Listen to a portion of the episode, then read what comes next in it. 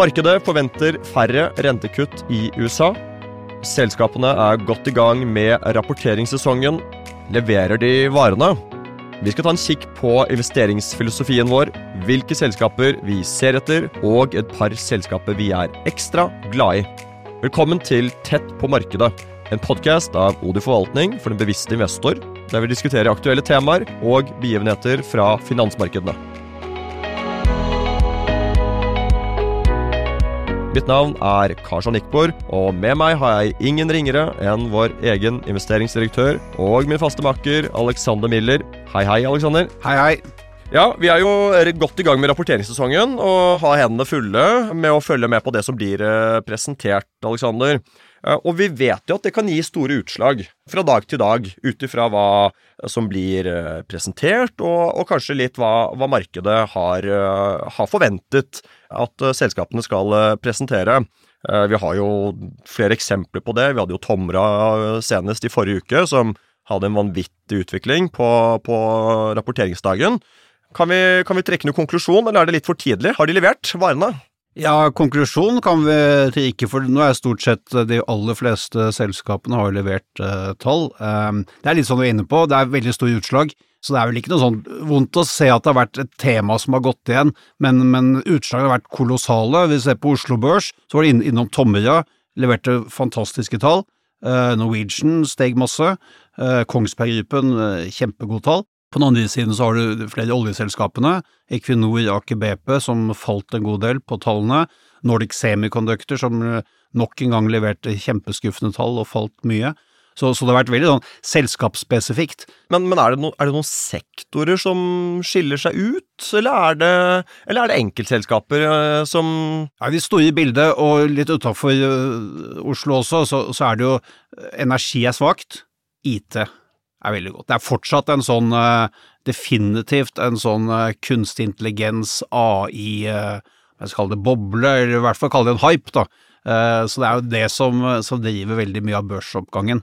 Og disse her Magnificent Seven som vi har snakket om, med Meta og en del av disse aksjene, det har stått for mesteparten av oppgangen.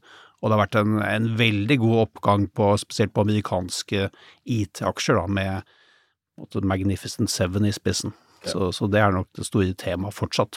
Ja, Så det er en fortsettelse, egentlig, av det vi har sett litt da, de siste ja, nesten årene. Ja.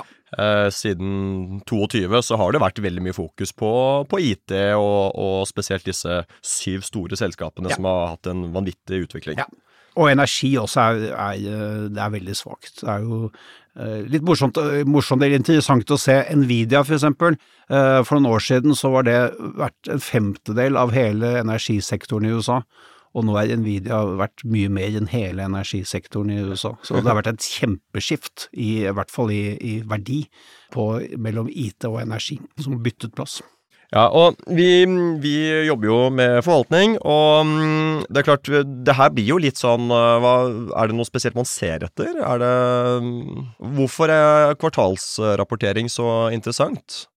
Ja, det er på en måte den, eh, I tillegg til å lese årsrapporter, så er det på en måte den eh, beste avsjekken vi kan få hvert kvartal, når selskapene forteller hvordan det har gått. Så det er veldig nyttig informasjon. Ikke så veldig ofte er det viktig, eh, men det hender jo av og til at, eh, at det kommer ting rundt kvartalsrapporten som kanskje kan endre på hvordan vi ser på selskapet, men i det store og hele så er vi opptatt av det langsiktige, og når vi kjøper, går inn i et selskap, så har vi både en idé og en håp og en tanke hvordan dette selskapet skal utvikle seg litt på sikt. Mm. Vi ser gjennom de kvartalene, og det er klart det er veldig fint også å få en avsjekk hvert kvartal, at det faktisk, ja, nå går det slik som vi håpet at det skulle gå. Det er ikke noe store avvik fra den måte, planen og den uh, ideen vi hadde når vi kjøpte selskapet. Ja, vi skal mer innom det uh, om litt. Vi kommer jo ikke unna rentene. Hvordan er markedet nå kontra ved inngangen av året eller slutten av 2023? Det har jo vært noe Eh, justeringer der, kan vi jo trygt si. Ja, det er litt annerledes. I, i fjor da, så steg jo børsene i takt med at eh, rentene falt, og vice versa. Eh, nå er det måtte, frikoblet litt. Vi ser jo det at rentene har faktisk steget ganske mye. Så hadde dette vært for et år siden, så ville nok børsene ha falt. Inflasjonstallene plutselig begynt å komme opp igjen, i hvert fall i USA. Europa ser vi at det er fortsatt lav inflasjon. Så denne rentekuttene som du var inne på, som alle håpet og forventet seg i fjor, det ser ikke ut til å slå til. Men allikevel så stiger Da, da tenker du på. Norge, sant? Eller Eh, Både du Norge og USA. ja, ja, ja. Um, Norges Bank har vært veldig tydelig nå sist på at det blir ikke noe, blir ikke noe kutt. Uh, de skal holde på dette nivået lenge, og da, når de sier lenge, så er det til høsten, kanskje. Hvis det ikke skjer noe uventet. Amerikanske sentralbanken også, med de inflasjonstallene som kom nå i forrige uke. Det blir ikke noe kutt der. Ikke i mars, ikke i mai, så tidligst i juni. Men, men uh, børsene ser ut til at det er helt fint. Det er ikke så, det er ikke så farlig. Eh, Det viktigste er kanskje at, eh, at resesjonen er avlyst, at selskapene gjør det godt, og at det er god vekst i inntjeningen, og at, at økonomien gjør, gjør det godt. Så det er på en måte overtatt det ensidige fokus på at sentralbanken måtte kutte. Men kan det gå andre veien? Du sier at økonomien går godt, arbeidsmarkedet er godt, altså et stramt arbeidsmarked. Kan ikke det altså, jeg tenker, Nå tenker jeg litt høyt her, da, men stramt arbeidsmarked, god økonomi. Kan det akselerere økonomien igjen? At vi går fra blir jo litt spekulasjon her, men at vi går fra, går fra snakk om kutt til eventuelle hevinger igjen? Ja, det kan jo skje, eh, og jeg tenker jo at eh, kanskje den største faren nå, det er jo eh, ikke at økonomien blir veldig svak, men at inflasjonen skyter fart igjen. At man ikke har kontroll på inflasjonen, og at man har i hvert fall ikke kan kutte, og kanskje, som du er inne på, kanskje til med må, heve rentene. Eh, Og så er det stor forskjell. Amerikansk økonomi går veldig godt. Det Der er inflasjonen for høy fortsatt, mens i Europa er det et helt annet bilde. England for eksempel gikk jo offisielt inn i resesjon her eh, forrige uke, med minus eh, BNP-vekst, så, så det er klart, kanskje i Europa er det nok et større behov muligens for oss å kutte, eh, mens norsk økonomi også går veldig godt, og der blir det som sagt ikke noe, ikke noe kutt med det første, så det er, det er stor forskjell på Europa og USA for tiden. Og Det er jo de to viktigste handelspartnerne våre, altså USA og Europaområdet, eller EU-området. Og Det viser jo et litt forskjellig bilde, så det blir jo, blir jo nok for, for sentralbanken å følge med på når du har, har EU-området som, som begynner å få kontroll på ting, og kanskje allerede begynner å kommunisere kutt relativt tidlig. Og så har du USA, som også er en veldig viktig handelspartner, som muligens må utsette det enda litt til. Eh, Så det blir, jo, det blir jo Vi må bare følge med på hva som skjer videre her hjemme i Norge. Det, det er litt sånn storyen det har vært hele veien. At vi, vi, vi føler vi har kontroll, og så blir banene oppjustert, og så blir det eh, forskjøvet på hele tiden.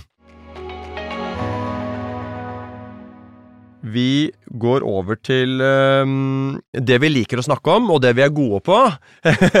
Eh, det er jo dette med hva vi eier, og hvorfor. Altså hvilke selskaper er det vi er eh, på utkikk etter. Vi har jo holdt på med dette siden eh, tidlig 90-tallet, 1990 for å være helt, eh, helt eksakt. Vi har vel en del til forvaltning, vil jeg tørre påstå. Nær 115 milliarder.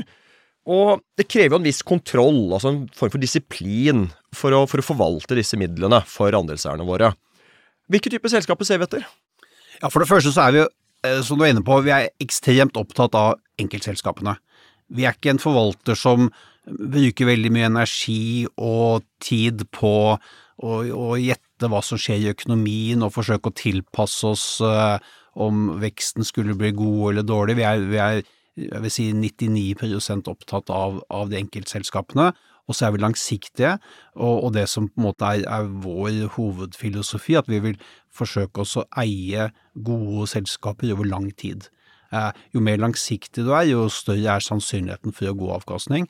Og den avkastningen man som oftest får i aksjemarkedet, i hvert fall på litt sikt, det er faktisk ganske likt det selskapene selv klarer oss å få avkastning på sin kapital. Og så har du selvfølgelig på kort sikt veldig store svingninger fra uke til uke og måned til måned. Hvis du ser gjennom det, så forsøker vi å investere i selskaper som har god avkastning på kapitalen sin, og så sitter vi med det lenge. Så jobben vår blir egentlig å sitte og overvåke at selskapene fortsatt er gode. Og der kommer dette med kvartalstall inn i bildet også, det er en fin avsjekk for å se ja, selskapet er fortsatt slik som vi ønsker at det skal være, og da blir vi sittende, og så ser vi gjennom veldig mye støy. For det, for det er mye støy. Si 90% av det, all det, alt som skjer på børsen og alt som skjer på nyhetssiden, det er støy. som ikke har noe betydning, men det er veldig viktig å ha en plan og vite hva man skal se etter. Når du blir bombardert med informasjon hele tiden, så er det utrolig viktig å ha evnen til å ikke uh, bruke energi på ting som ikke er viktig. Men da må du først vite hva som er viktig. Ja, og, og, ja, og det, det, er helt enig. Og du, du, sier jo innledningsvis at vi um, Du nevner gode selskap. Du er jo litt innom det, men, men, kan ikke du bare prøve å er et godt selskap? Et godt selskap, det er et selskap som har eh, hatt god inntjening og har en sunn balanse og har gjort det godt på litt tid. Og så er det et selskap som har en god posisjon, vil si at det er en ledende selskap i sin bransje, har kanskje høye markedsandeler, og ikke minst er et selskap som har på en måte hatt evnen til å holde på kundene sine, og som gjør det vanskelig for konkurrentene å på en måte overta kundene. At de har et veldig sånn eh, tett forhold til kunden, at det er vanskelig for kunden å bytte. Å ha en god posisjon, det er utrolig viktig. God posisjon, da har man som oftest også god inntjening. Eh, man ser ofte at de som er ledende i sin bransje, er de som har best inntjening også. Så det er utrolig viktig å passe på den posisjonen, og, og følge med på hva som kan på en måte utfordre posisjonen, for det har mye å si for inntjeningen. Også, ikke minst, må man kjøpe disse selskapene til fornuftig penge. Kjøper man for dyrt, så kan selv et godt selskap bli en veldig dårlig investering. Det har vi masse eksempler på. Ja, for et, for et, godt selskap kan jo bli for dyrt, selv om det leverer godt. Så det er jo dette med, dette med pris da, som også er viktig å følge med på. Og vi er jo innom resultatsesongen uh, nå i dag, og, og, og, det kan også brukes. Altså, vi vet jo at det er store bevegelser i løpet av uh, den tiden vi er inne i nå, og det kan jo slå ut negativt fra dag til dag. Men dette fokuset på pris, å få, en riktig pris på selskapene som vi er glad i um, Man kan jo bruke disse fallene som Vi kan snu til noe positivt. Ja, definitivt. Er, på kort sikt så er nok uh, det du betaler for selskapet det viktigste for en sånn kort og mellomlang tid. Så det er utrolig viktig at hvis kursen stiger veldig mye mer enn inntjeningen, for eksempel, så, så er alt annet likt, så er det en dårligere risk reward, altså du får antageligvis dårligere avkastning. Og det vi forsøker å unngå i hvert fall, det er også å kjøpe altfor dyrt. Det er ikke noe at vi må kjøpe veldig billig, men, men å unngå å kjøpe selskaper som er veldig dyrt priset, for vi er jo Ofte blir jo gode selskaper veldig, veldig dyre også, og så er det klart at hvis det er et godt selskap som vi syns har vært uh, kanskje litt for dyrt, og så kommer de med noe som blir oppfattet som litt skuffende tall, kursen faller, da kan det være en kjempefin mulighet til, til å kjøpe. Men ikke kun fordi at kursen har falt. Men selskapet må være godt og ha en god posisjon, det er det aller viktigste. Veldig interessant, eh, Alexander, og det, jo, det viser jo litt uh, mindsettet og tankegangen vi har på investeringssiden hos oss. Vi skulle jo innom noen selskap uh, som gir et bilde på dette, dette vi ser etter. Uh, noen selskap vi er glad i. Jeg tenker vi har jo disse eh, Vi har jo noen P-er som vi har definert som prestasjon, posisjon og pris. Selskapene vi skal innom, det er Finn, som er eid av Schibsted, og et litt mindre kjent selskap her på denne siden av Atlanteren, som heter Sherwin Williams. Kan vi ikke bare starte med Finn, da? Hva, hva gjør Finn til et så godt selskap som, som det er? det, dette, det er to selskaper som jeg syns veldig godt illustrerer det vi er opptatt av posisjon. Som har på en måte en stilling og en posisjon blant kundene sine som gjør det ekstremt vanskelig for en konkurrent å på en måte utkonkurrere seg. Skal du annonsere leiligheten din eller bilen din, eh, så er det Finn som er stedet å gå. De har over 90% markedsandel, og det er ganske liten kostnad Eh, når du skal selge et hus, for eksempel, så er det det du betaler til Finn, det er bitte liten kostnad, men det er ekstremt viktig. For det kommer jo konkurrenter som forsøker seg. Du ser jo stadig vekk at noen eh, eiendomsmeglere prøver å lage en nettsatsing som skal være bedre på pris, eller prøve å konkurrere mot Finn, men, men du nevner jo at de har jo nær monopol, og, og inngangsbarrierene der her hjemme i lille Norge, hvordan uh, hvordan ser man det? Ja, det blir veldig vanskelig, men det er klart det er noe man må følge med, med på også. Det kan, jo, det kan, jo, tenkes at eh, det kan komme inn aktører som på en eller annen måte kanskje har en, en plattform i dag som gjør noe, kanskje noe helt annet, som kan, kan eh, etter hvert bli en konkurrent for Finn. Men, men, men er, nå er posisjonen helt unik. Og det er den kombinasjonen av at de leverer noe som er veldig viktig, som er ganske billig. Alle du- går jo på Finn. Ja, så å spare liksom et par hundre kroner for å annonsere leiligheten din et sted hvor ingen vil se den, det er en dårlig idé for de aller fleste. Så det gjør det at det, er, det blir vanskelig, og Finn har en unik, fantastisk posisjon, som Skipsted selvfølgelig nyter godt av, som er eierne, eierne av Skipsted. Og Skipsted har jo vi. Skipsted har vi mye av i, i porteføljen, og det er kanskje først og fremst pga. Finn, Ja, ja. som er den største verdien, slik som vi, vi ser det. Så selv om vi, vi, vi vet jo at eh, de, de fleste her hjemme i Norge kjenner jo til Finn. Eh, jeg vil jo tippe en, ja, de fleste går dit når de skal se etter bolig, søke etter ny jobb, eller eh, selge bilen sin, eller eventuelt kjøpe ny bil. Eh, så vi, de har ikke monopol-monopol, men de har vel nær monopol. Og det er jo de type selskapene som er i en sånn type posisjon, som vi uh, syns er eh, ekstra spennende. Ja, og hvis man i tillegg får kjøpt det til en fornuftig pris, så er det en fantastisk investering. Og da er jobben vår ganske enkel. Det er det å sitte og følge med på, som du er inne på, om det kommer noen konkurrenter til Finn.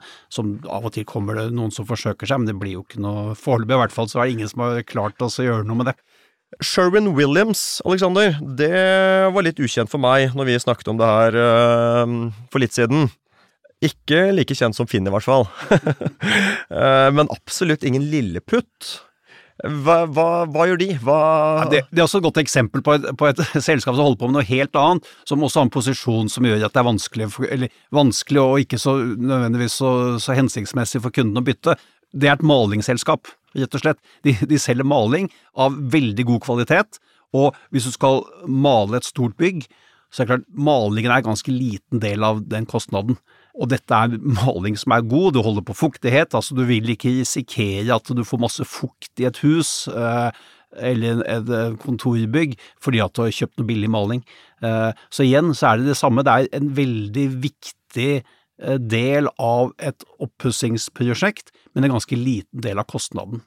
Ja, Og, det, og det er liksom det er litt, det er litt unikt med både maling og, og Finn, egentlig. Ja, men, men det selskapet, altså, det er veldig ukjent her hjemme i Norge i hvert fall. Hva, hvor, hvor er det de opererer? Er de, er de globale? Er det innenlandsmarkedet i USA, eller hva? Amerikansk selskap, Ja. uh, først og fremst, men, men, det, men det er jo et stort, et stort malingselskap. Men, men det er en veldig god illustrasjon på at det er ikke der du, det er ikke der du skal spare penger når du skal pusse opp.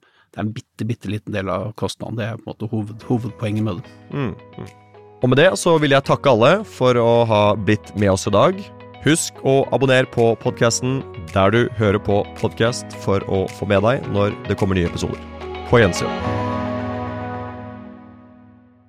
Innholdet i sendingen er å anse som markedsføringsmateriale fra Odin forvaltning og er ment å være generell markedsveiledning. Sendingen skal ikke oppfattes som et tilbud om å kjøpe eller selge finansielle instrumenter, eller som investeringsrådgivning tilpasses den enkelte investors situasjon. Odin forvaltning påtar seg ikke noe ansvar verken for direkte eller indirekte tap som følge av innholdet i sendingen dersom det legges til grunn for eventuelle investeringsbeslutninger. Historisk avkastning er ingen garanti for fremtidig avkastning. Fremtidig avkastning vil annet avhenge av markedsutviklingen, forvalters dyktighet, verdipapirfondets risiko samt kostnader ved tegning, forvaltning og innløsning. Avkastningen kan bli negativ som følge av kurstap.